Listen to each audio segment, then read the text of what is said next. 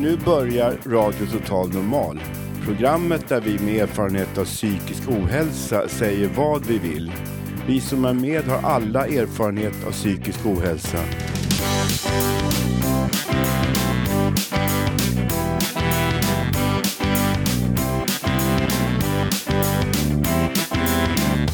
Du lyssnar på radio Total Normal. 101,1. Totalt normalt. Radio totalnormal, torsdagar från två till halv fyra. Vi livesänder med publik från Götgatan 38 i Stockholm. Kom hit och lyssna. Här är alla röster lika värda.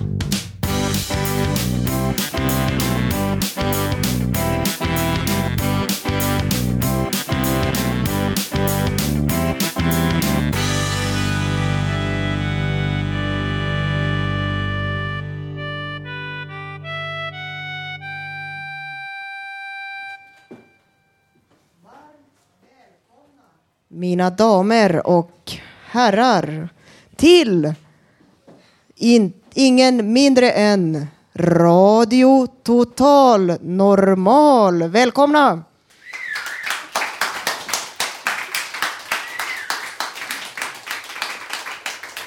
Ja, tack publiken. Idag har jag en härlig publik här framför mig. Det är bänkat överallt, varenda stol är fullsatt. Eh, alla är laddade framför mig idag inför kommande sändning. Vi dricker kaffe och äter tårta. Det är bara att komma förbi och lyssna eller delta i programmet. Eh, det är gratis kaffe och fika här. Så att, eh, idag kommer vi bland annat få höra en intervju med en man som jobbar med psykiatrifrågor på Socialstyrelsen. Och om hur det är att flytta till ett gruppboende.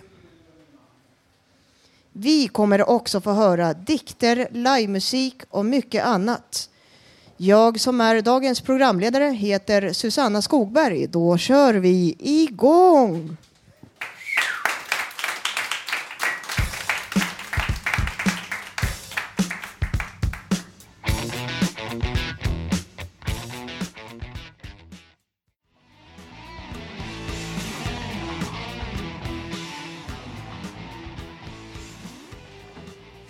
Välkomna tillbaka.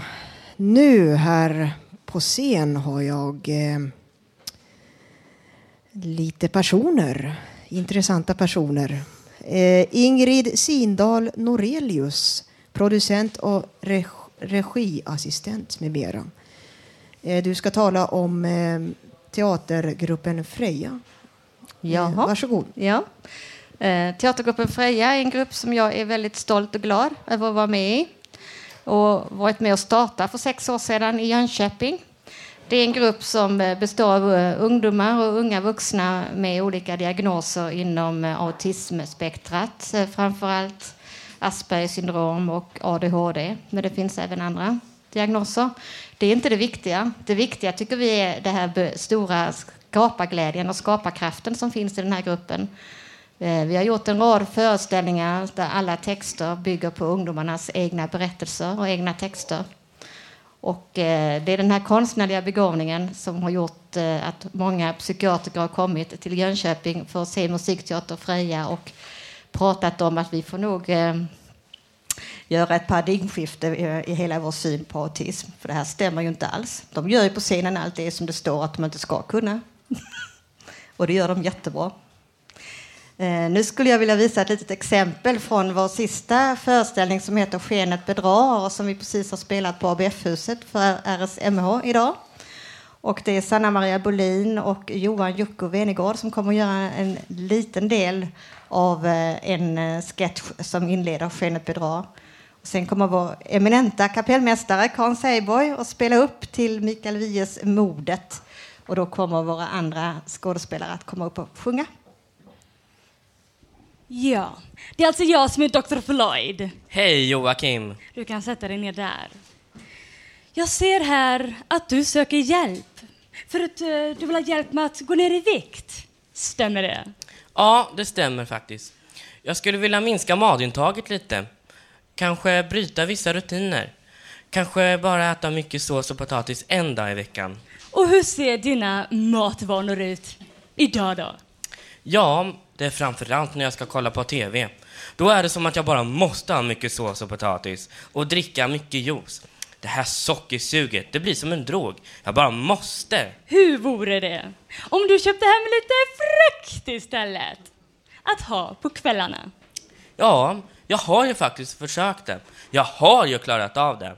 Ett tag, då gick jag på Friskis och då gick jag ner 12 kilo. Och när jag var i Spanien gick jag ner 5 kilo.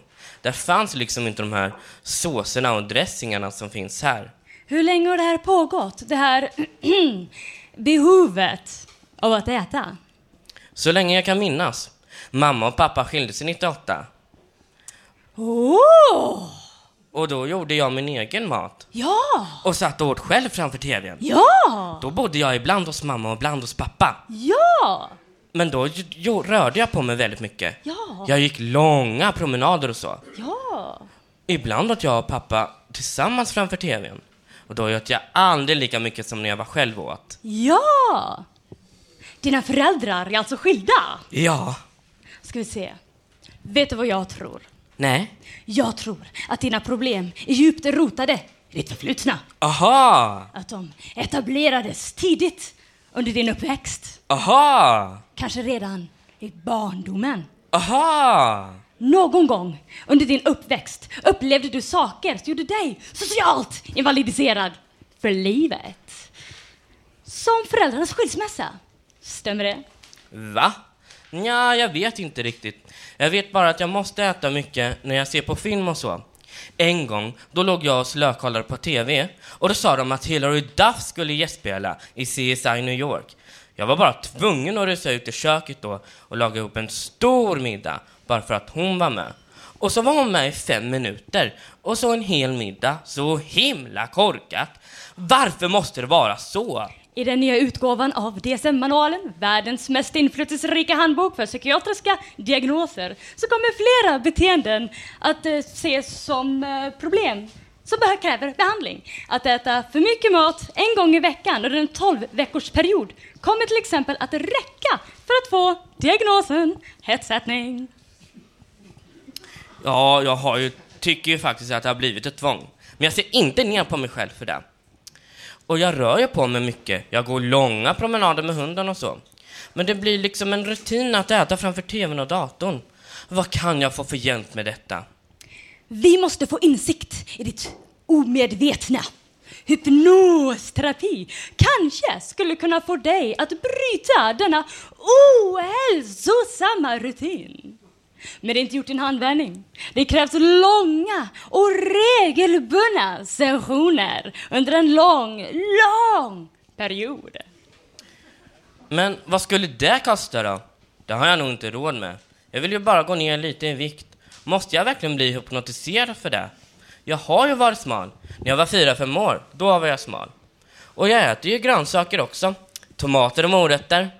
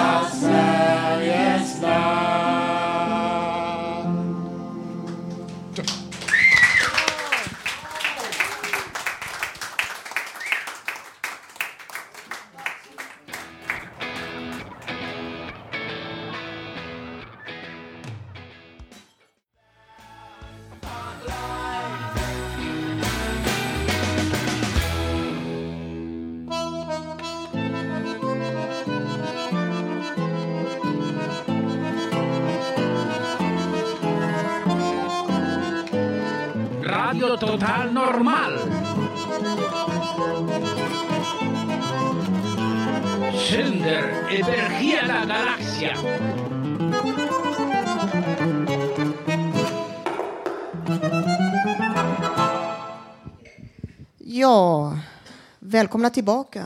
Eh, våra medarbetare Kalle är här. Välkommen. Välkommen. Tack, tack.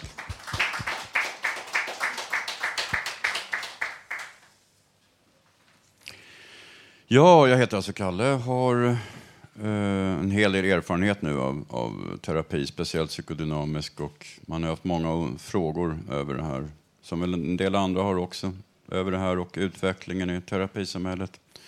Tidigare har vi alltså här i Radio Total Normal intervjuat Psykoanalysförbundet angående sådana här frågor. Och idag har vi en annan gäst med oss här som varit vänlig att komma hit. Han heter Mårten Järle. Och ar-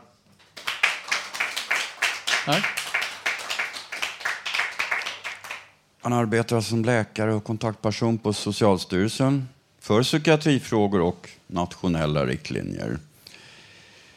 Och eh, jag har frågor kring hur ni beslutar vad som är fungerande terapi och vård när det gäller psykpatienter. Det är väl den övergripande frågan idag. Och vi börjar väl med en spännande sak, hur, hur ni på Socialstyrelsen definierar psykoanalys jämfört med KBT. Ja, om vi går rakt på de här olika psykoterapiformerna så kan man säga att eh, det vi huvudsakligen har eh, rekommenderat i riktlinjer och sådant, det gäller eh, kortare behandlingsinslag vid ångest, depression eller schizofreni där vi har korttidsterapi av olika slag.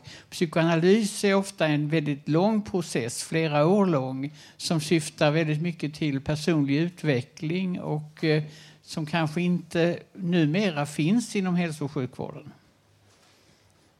Eh, vidare en spännande fråga här. Vad ni närmare bestämt anser er som fungerande terapi och vård och vilka kriterier ni går på det när det gäller psykpatienter.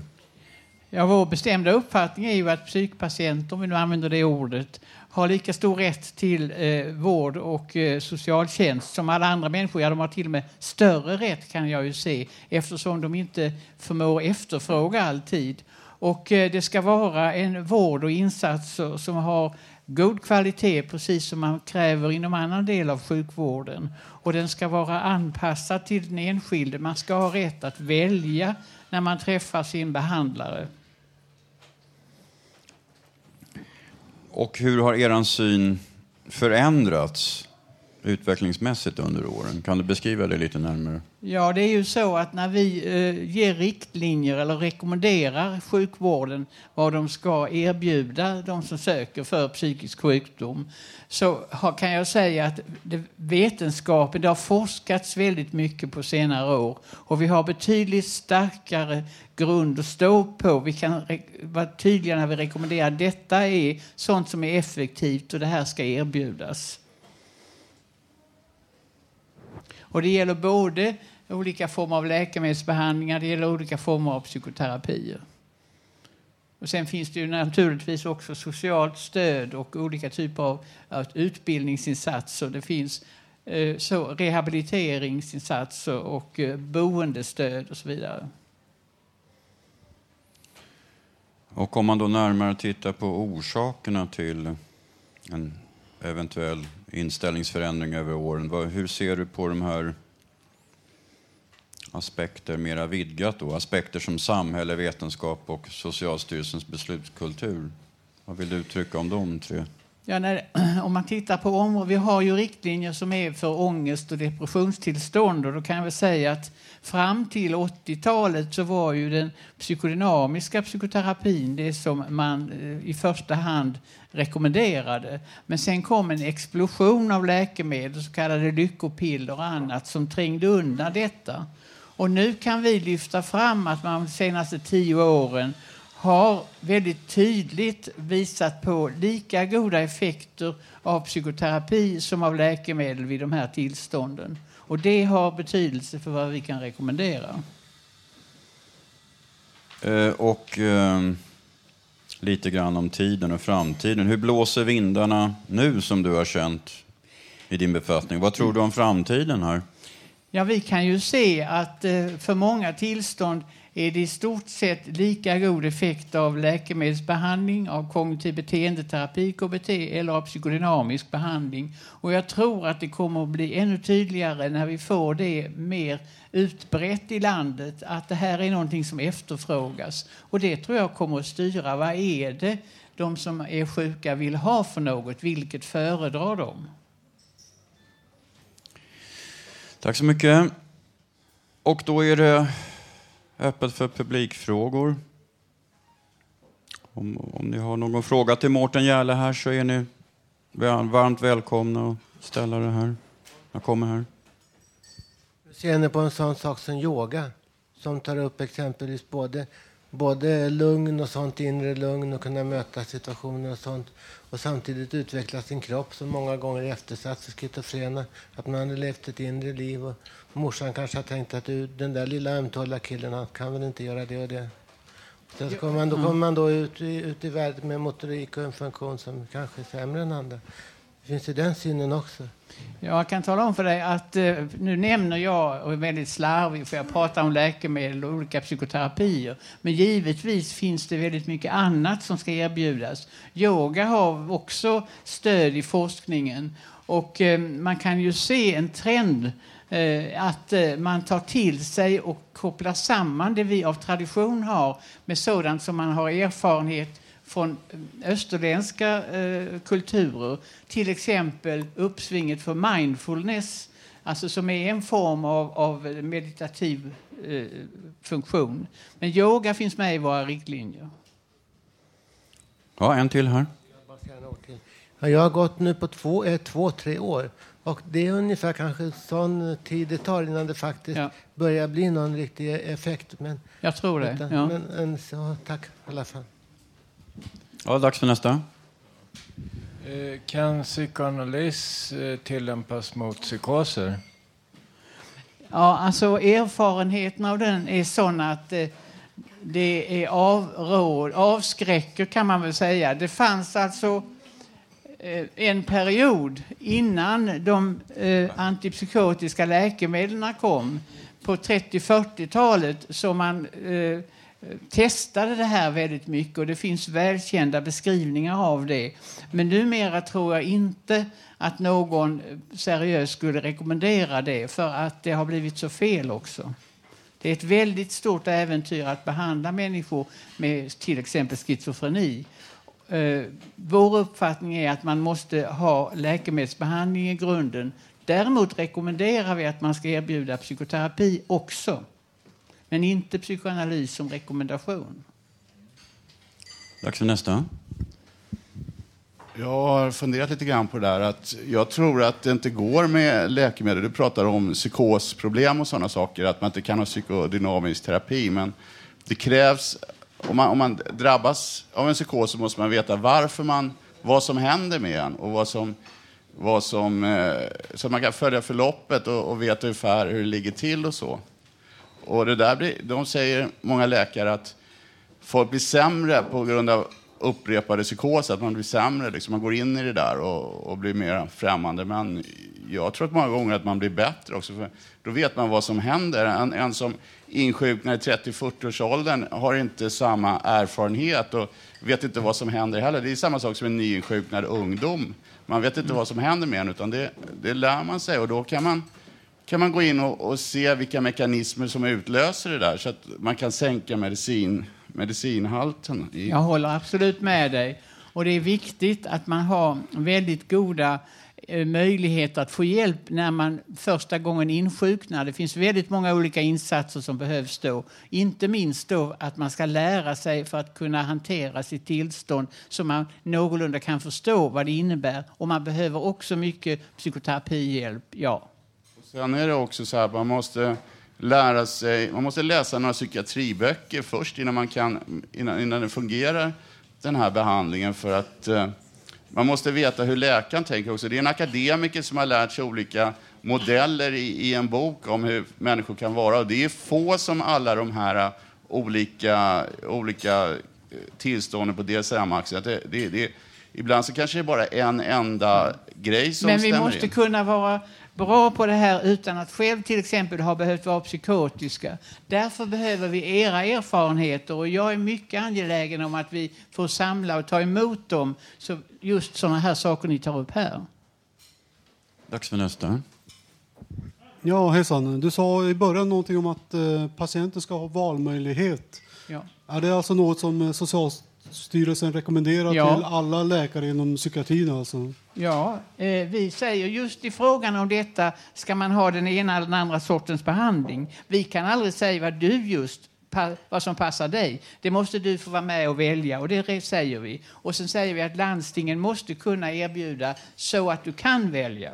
En, en följdfråga då. Hur eh, vet ni att, det- att det är så att eh, läkarna följer denna rekommendation om att eh, ge patienten valmöjlighet? Exempelvis få medicin och i, Ett- kontra eh, någon slags eh, Vi har svårt att följa just KBT vad som, eller någon annan eh, Vi har svårt att följa behandling. just vad, vilka är, hur erbjudandena ser ut, men vi kan säga vi har just, jag får väldigt mycket samtal från patienter och anhöriga om när det inte går, går rätt. Och vi gör någonting som heter tillsyn. Vi går ut och undersöker för att se, fungerar detta? Mm. Är det så att informationen fungerar till exempel vid ECT-behandlingar? Är det så att man har möjligheten till val? Ni följer upp i alla Ja, fall? ja. Ja, men det var bra. Tack. Tack. Sista frågan. Jo, jag fick höra talas om ett par månader eh, av en person att eh, psykiatriker får en provision av läkemedelsbolaget angående medicinering. Stämmer det? Nej, det gör det inte. Eh, eh, det enda som jag skulle kunna tänka att det anspelar på är om en psykiater leder en läkemedelsprövning och då har ersättning för den tid han lägger ner. Men det finns ingen koppling, så vitt jag någonsin har hört talas om, jag har ändå jobbat i 40 år, för att man till exempel skriver ut recept på något. Det är borttaget. Ja, då tackar vi för dagens frågestund med dig här Mårten och tackar dig också med en varm applåd.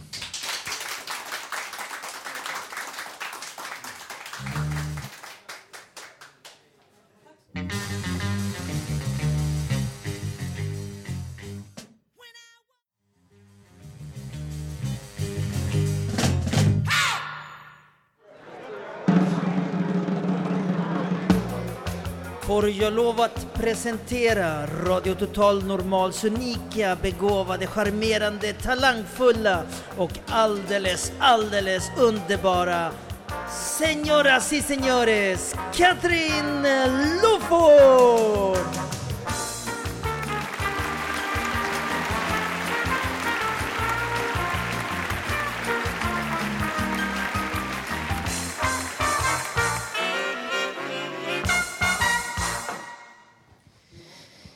Ja, och nu har Katrin Loford inte varit ute och eventat. Nej, för hennes skrivare har gått sönder. Jo, ja. Om det blir prat eller sång, ja, låt höra.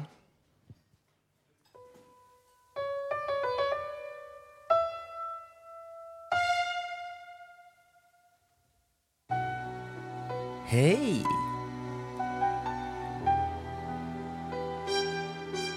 På dig. Och dig. Och dig kanske också.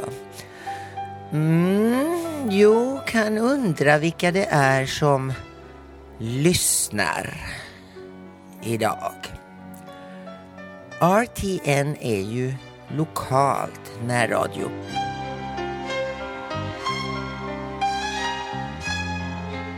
Men eh, går samtidigt att höras på nätet i bland annat Shanghai, Paris och LA. Ja, hej och hå. Ja, välkomna förresten, har jag glömt att säga det. Katrin Loford är namnet. Men ni får gärna kalla mig radiorösten, det går bra det också. Nu är det ju tyvärr så att ni som lyssnar inte syns här. Nej. Jo, ni här i salongen förstås.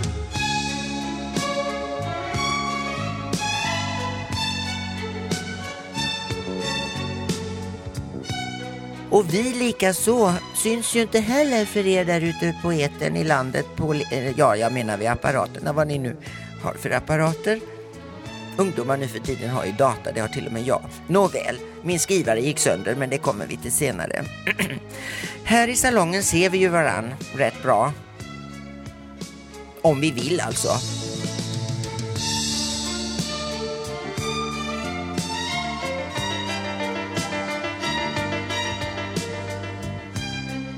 Jo då. Ja, ja, jag tycker nog du ska våga komma hit du också, eller? Jo, men så att vi äntligen kan ses. Ses menar jag. Jo, vad har jag då på mig? ja, nej men det är sant. Jag har något på mig idag. Vad är det? Ja, det var rosa små piratbyxor och en liten... Ja, nu ska vi inte prata kläder. Det är ju inte så roligt att prata kläder, eller hur? Hit och dit, nej. Men radion här nu då. Ja, herregud. Gustav, du tar väl lite musik där nu så får folk andas medan jag gör det också. Jo, mitt lilla stora nummer, eller radiotal då som jag hellre säger, det har jag faktiskt ännu inte ens, nej jag har inte skrivit det riktigt. Nej, jag har inte ens påbörjat det. Det har varit nog med att skriva de här sju minuterna. ja, nu har jag inte klockan på mig idag men Gustav brukar hålla ordning på mig. Ja. Eh, och nu är dessutom min skrivare sönder. Ja, alltså skrivaren hemma. Usch ja. Så den resten som jag hade skrivit och skulle ha sagt här nu, det får nog bli nästa torsdag istället. Jag vet inte riktigt men ja, men det gjorde ju inget för ni förstår, på väg in så läste jag ju då nu idag här den eh, 7 juni har vi ja. Mm, 7 juni har vi. Hovreportern. Modernt och nytt sätt. Victoria, hon är skicklig på ett nytt och modernt sätt. Lite som en amerikansk president, skriver de. Ja, eh, höll ett kort tal. Det var utan manus och väldigt bra. ja, hon kan hon. Ja, jag skulle vilja kunna lika bra som henne, men nu sitter jag ju här och pratar och som jag sa nu, jag har ju inget manus. Nej, nu sitter jag och läser Metro. Ja. ja, fast det hade jag ju redan gjort på Saltsjöbanan alltså. Nu citerar jag här lite bara kort här på slutet. Och kungen han talade upprymt och avspänt på Skansen, bättre än på länge. Han fick en av de längsta applåderna vi hört någonsin. Det som har hänt är historia nu och idag vänder vi blad. Nej förlåt, det står det inte alls. Det sa han i höstas. Eh, idag fick han sin revansch. Ja, just det. Jo, men det fick han nog. Tyvärr var jag nere i Järlasjön och badade igår kväll så jag hann inte att se allt det där på TV. Jag hade till och med tänkt att åka till Skansen men nej, man hinner ju ingenting nu längre. Och nu hinner jag väl inte hälsa till alla dem jag hade tänkt att hälsa till heller. Nej, vad tiden går. Det får jag ta nästa torsdag. Ja, Ja, hej och hå. Ta lite Morricone där. Ennio Morricone, jag tycker så mycket om hans musik. Nej, jag hinner inte hälsa till någon här idag. Det var tråkigt. Jo, Jane, du ska ha en hälsning. Var är du? Och så listan. Jag hade ju både en, ehm, ja, jag hade två listor. Jag har inte kunnat skriva ut den hemma och är hemskt ledsen. Men nu är jag väldigt glad. Ja, för nu ska jag bland annat först in till info, skriva färdigt då RTN-sidan. Det blir ingen maj fontänblad utan juni.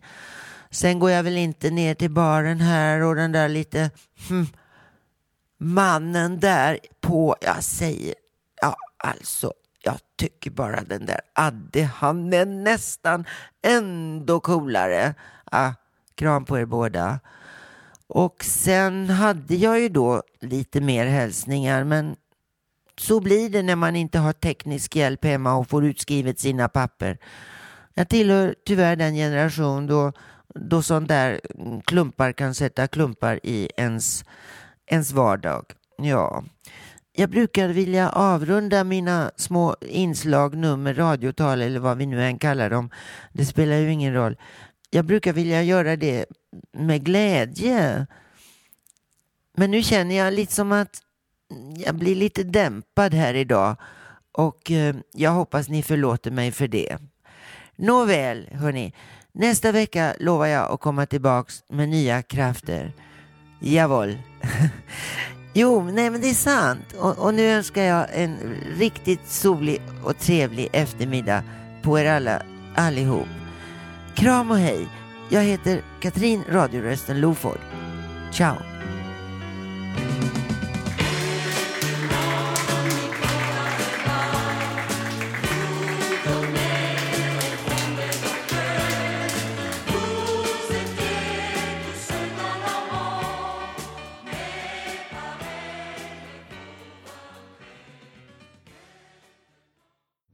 Välkomna tillbaka till ingen mindre än icke att ej förglömma. Ja, vad tror ni? Ja, välkommen Siv!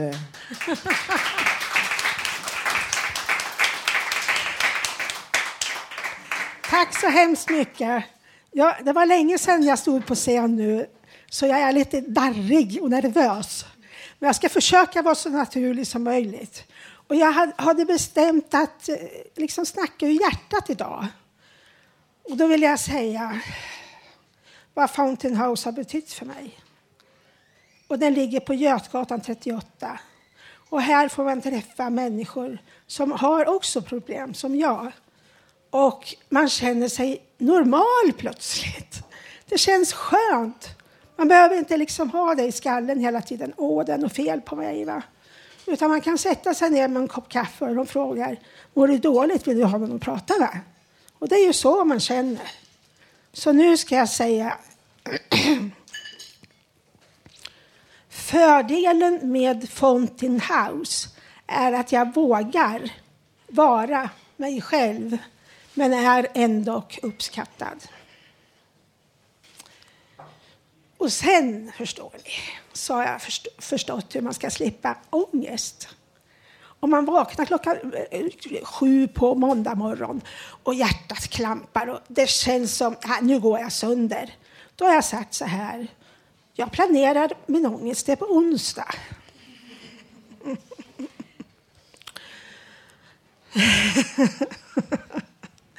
ja, ibland får man skratta åt sig själv.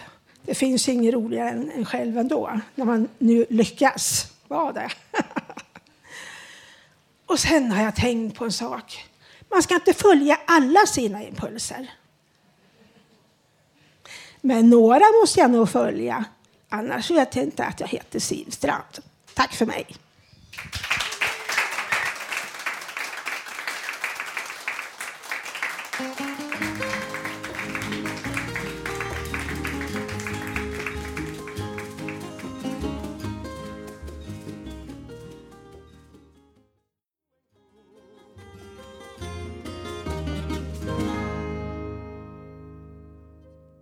Välkomna tillbaka. Plats på scen, Hasse Kvinto.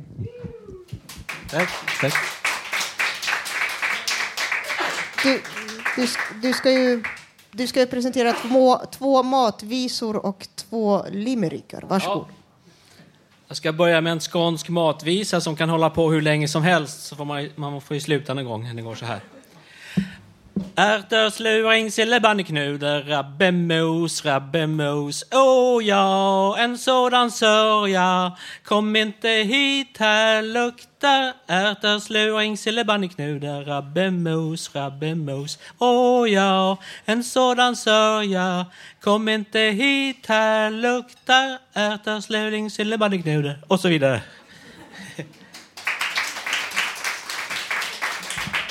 Och så skulle jag vilja sjunga en norrländsk matvisa eh, presenterad av Evert Ljusberg. Jag skulle ta mig en macka, på den satt en kackerlacka. Jag hällde på hick och jag sa hukare för nu blir det tvärdjupt. Och så tänkte jag, ja, tack, tack. Så tänkte jag fortsätta med en skånsk limerick eh, som lanserades av Hasse Alfredsson. En olycklig man ifrån Sumpan, han såg ut som en riktig klump han. Han vred och han vände men ingenting hände, han hade fastnat med näsan i rumpan. Så tänkte jag avsluta med en egen limerick. Eh, jag såg för många år sedan en pytonorm som hade svalt en hjort. Och för att smälta det här så gjorde jag en liten limerick om det. En pytonorm som svalt en hjort, han tänkte det här går inte fort. Att få ner i magen, det tar nog hela dagen, ja kanske en månad, men gjort är gjort. Tack för mig.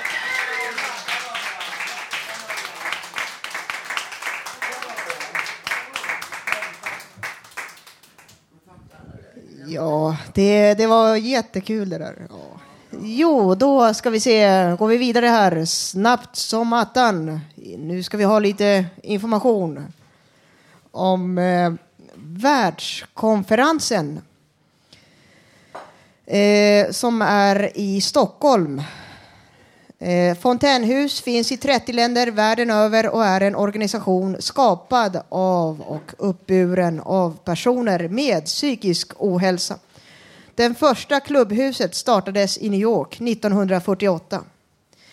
I Sverige finns det fontänhus i 11 städer och modellen som, som skapat ett bättre liv för så många människor sprider sig snabbt. På Fontänhuset arbetar medlemmarna för att driva klubbhuset och dess aktiviteter. Här får man en struktur på sin vardag, ett sammanhang, en social gemenskap. Många går sedan vidare ut i arbetslivet. Vi utgår från människors förmåga, frihet och rätt till egna beslut. I år står Fountain House Stockholm som värd för den 16 världskonferensen med 500 delegater från 30 olika länder. Fountain House kämpar mot stigmatiseringen av personer med psykisk ohälsa. Och därför kommer vi i samband med världskonferensen ordna en parad. Ångestparaden. Eh, nu kommer vi ut i ljuset och ber människorna att inte vända oss ryggen. 12 juli intar vi gatorna från Medis, Medborgarplatsen alltså till Kungsträdgården. Eh, det är möjligt att eh, Glenn Close från USA, skådespelerskan, eh, kommer till Stockholm också, också angående paraden. Eh, hon är väldigt aktiv i Fountain House så att eh, vi hoppas på detta. Men det, det här är väldigt viktigt och eh, många medlemmar själva och vi alla hjälpts åt och eh, förbereda eh, allting som har att göra med världskonferensen och eh, ångestparaden. Så att eh, det här är mycket intressant. Missa inte detta. Och eh, bredvid mig här är våran allas trogna Håkan Eriksson.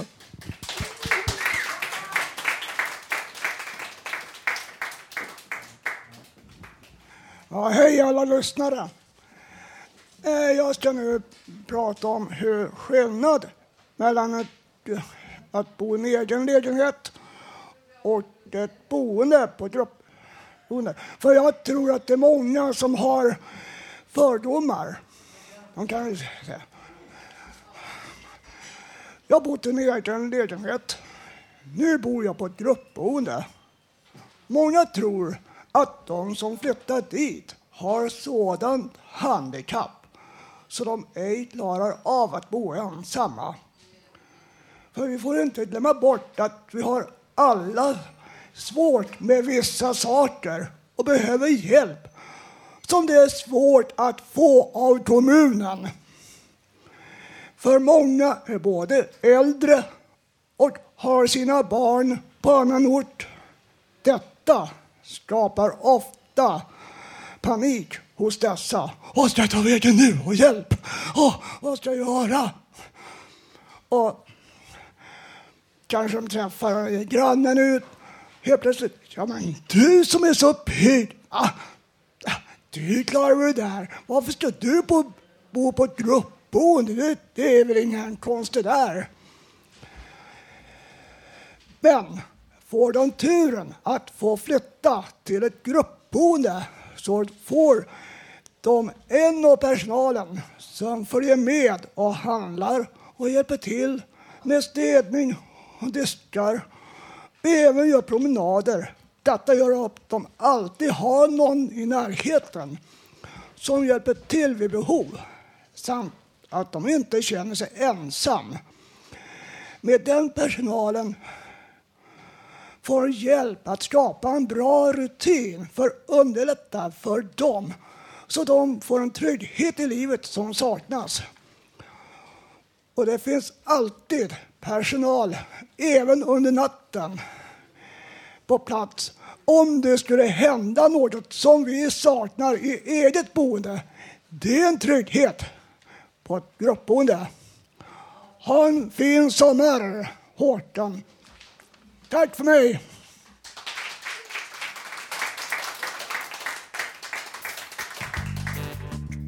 Direktsänd radioshow producerat av oss med erfarenhet av psykisk ohälsa.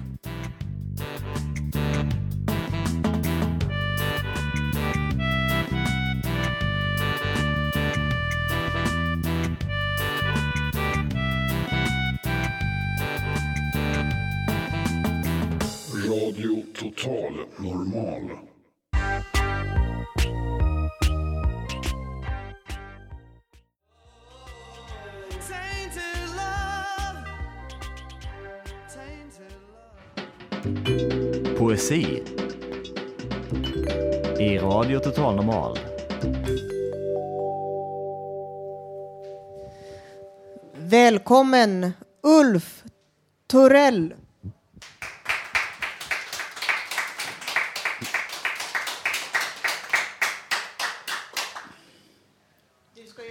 Förra månaden, Oj, ma- förlåt. ma- 2011, då är fredag, går torsdag och börjar Hammarbyhöjden.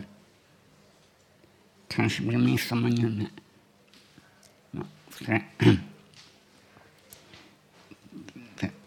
Den här månaden, ett fartyg reste 69 till 70. Jag var på båten till Atlanten, Panamakanalen. var i Europa på en Sydamerika, i Hamburg, Tyskland. Antwerpen, Belgien, Italien på fartyget i Sydamerika. I lasten fanns bland annat bröd, smör, ost, kaffepulver, läsk, cigarett, klimpor, bananer, fisk, 2011. Mars var vinter, men nästa månad är juli. Förra året var 2010. Natten mörk, mörk kväll, månen Sanna stjärnan blinkar och det är fredag 3 juni.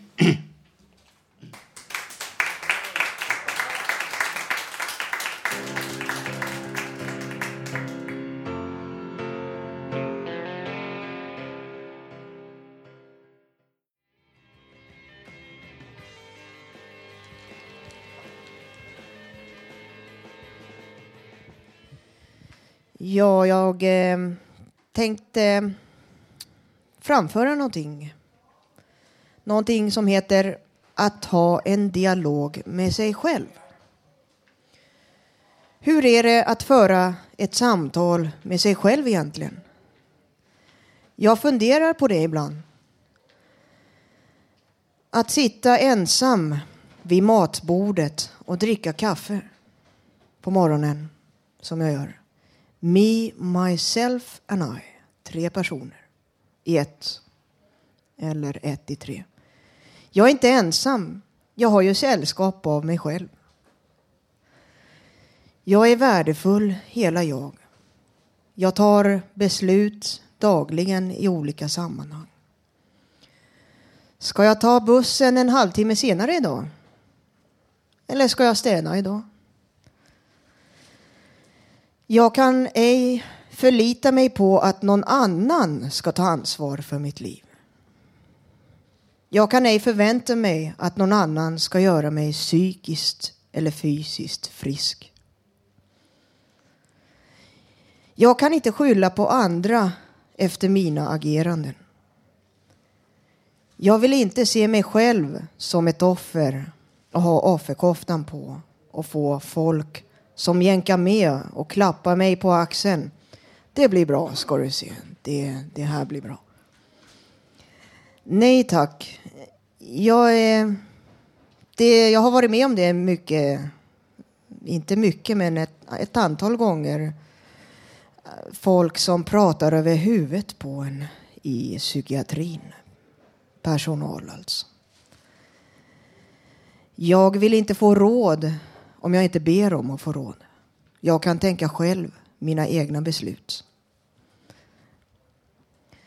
Eh, psykisk ohälsa behöver inte betyda att man har en begåvningsnedsättning heller, som eh, jag tycker att eh, det, jag har känt mig i vissa sammanhang lite... Folk ger goda råd hela tiden. Så att eh, detta är viktigt. En, jag är en individ, jag är fri och eh, förmodligen en vacker dag lämnar jag skeppet någon dag i psykiatrin. Tackar. Tack, hej.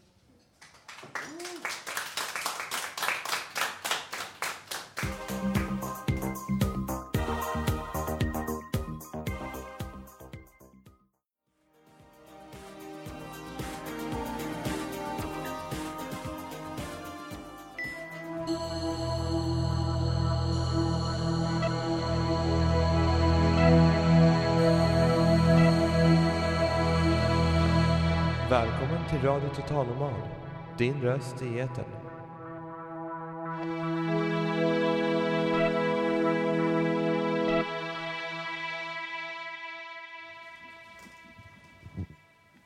Ja, nu ska Robert Naverstam framföra ett debattämne.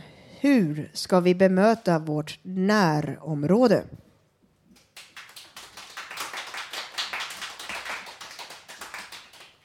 Ja, det är bra. Vi måste ju åtminstone försöka. Det här är ett litet grej som jag, som nog många med mig funderar på. Hur det är här. Vad ska vi göra med vår fantastiska värld? Vad ska vi göra av den? För, för vi måste väl ta de möjligheter som finns. Vad ska vi göra för de chanser som finns? För nog måste väl vi människor ta, utnyttja alla möjligheter så långt som möjligt, så långt som det bara går. Kan vi människor förstå annat? Kan folk från vår planet förstå annat? Vad tror ni? Världen runt oss, den är som den är. Det har blivit hårdare. Världen runt oss, den är hård. Även om det sägs att vi går framåt och det sägs att de flesta av oss här har fått det bättre. Det har blivit hårdare och det slås ut mer människor än tidigare.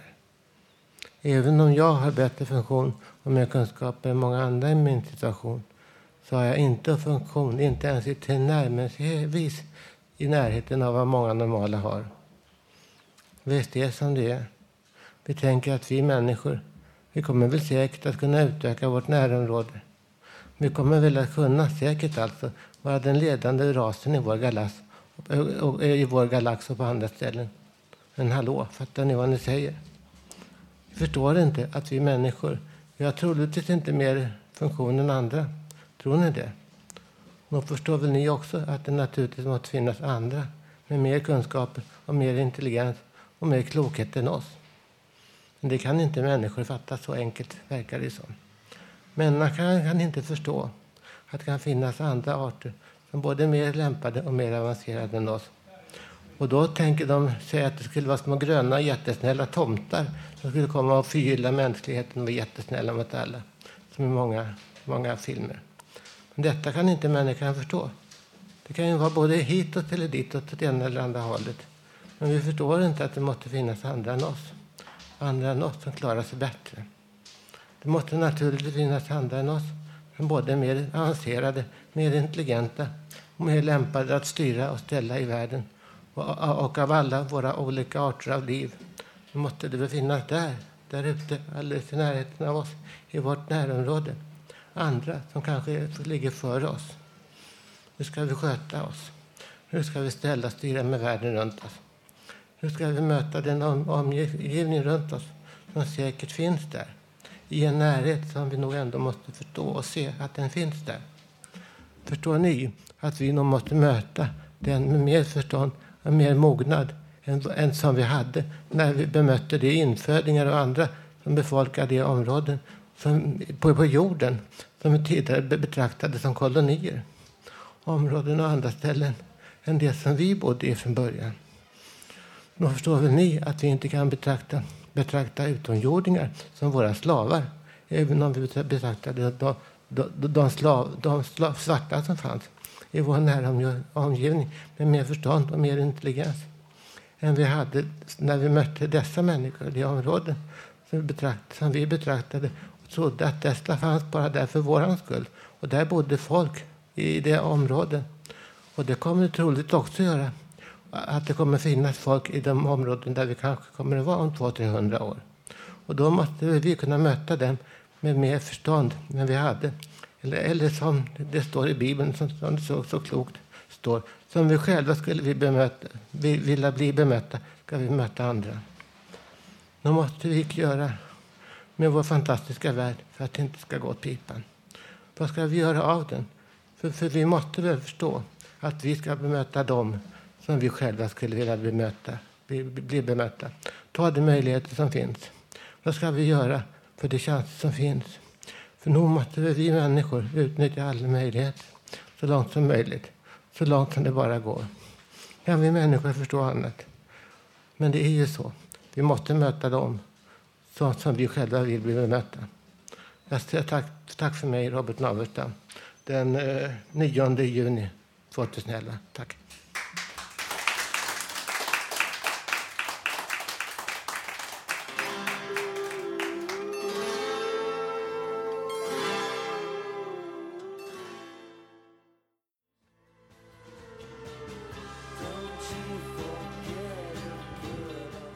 Du lyssnar på RTN Radio Total Normal 101,1. Nu ska vi få höra Marika Lagerkrans läsa en text av Lars-Ove Björn. Jag har vänt tillbaka genom den vackra björk och lövskogen till gläntan. Vem står där och väntar på mig i gläntan? Hur har hon kommit hit? Vilka gudar leker med oss? Ja, det kan man verkligen undra. Hon som jag mötte i Orions bälte har nu kommit till Sverige och jämtländska fjällen för att träffa mig. Ja, det verkar så. Betyder det att hon har ett budskap om frid och fred? Jag frågar henne. Får jag lov att dansa med dig på denna vackra svenska midsommaräng? Ja, svarar hon, mitt mitt livs kärlek som kommit ända från Orions bälte för att åter träffa just mig. Eh, och så ska vi all... så ska vi alltså hört, vi har hört en text av Lars-Ove Björn. Texten kom vid en skrivarkurs i våras här på Fountain House. Kursen arrangerades av Margareta Alderin, författare till boken Upptäckten. Och kursen kommer att fortsätta i höst med start 24 augusti. Är du intresserad att vara med? Mejla margareta.alderin hotmail.com eller mejla radion via hemsidan.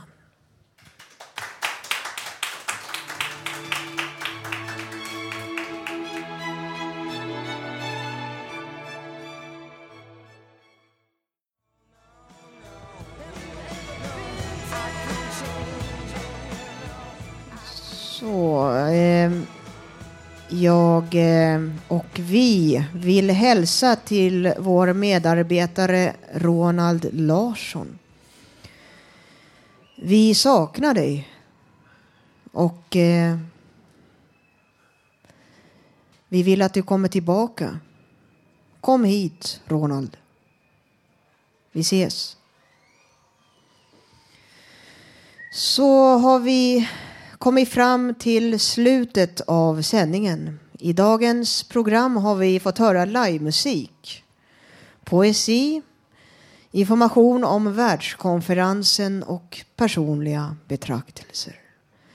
Nästa torsdag kan du höra oss igen då vi sänder som vanligt med publik här från Fountain House på Götgatan 38 i Stockholm. Fram till dess kan du lyssna på oss på webben www.radiototalnormal.se. Där kan du också skriva i gästboken, komma med förslag och gå in på vår Facebook-sida och titta på bilder. Tekniker idag var Gustav Sondin. En applåd! Producent Hanna Samlin, en applåd.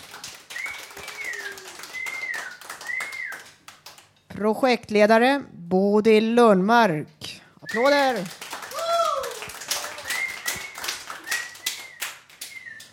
De som har valt musik. Den person som har valt musik idag heter Gustav Sondin. Ja.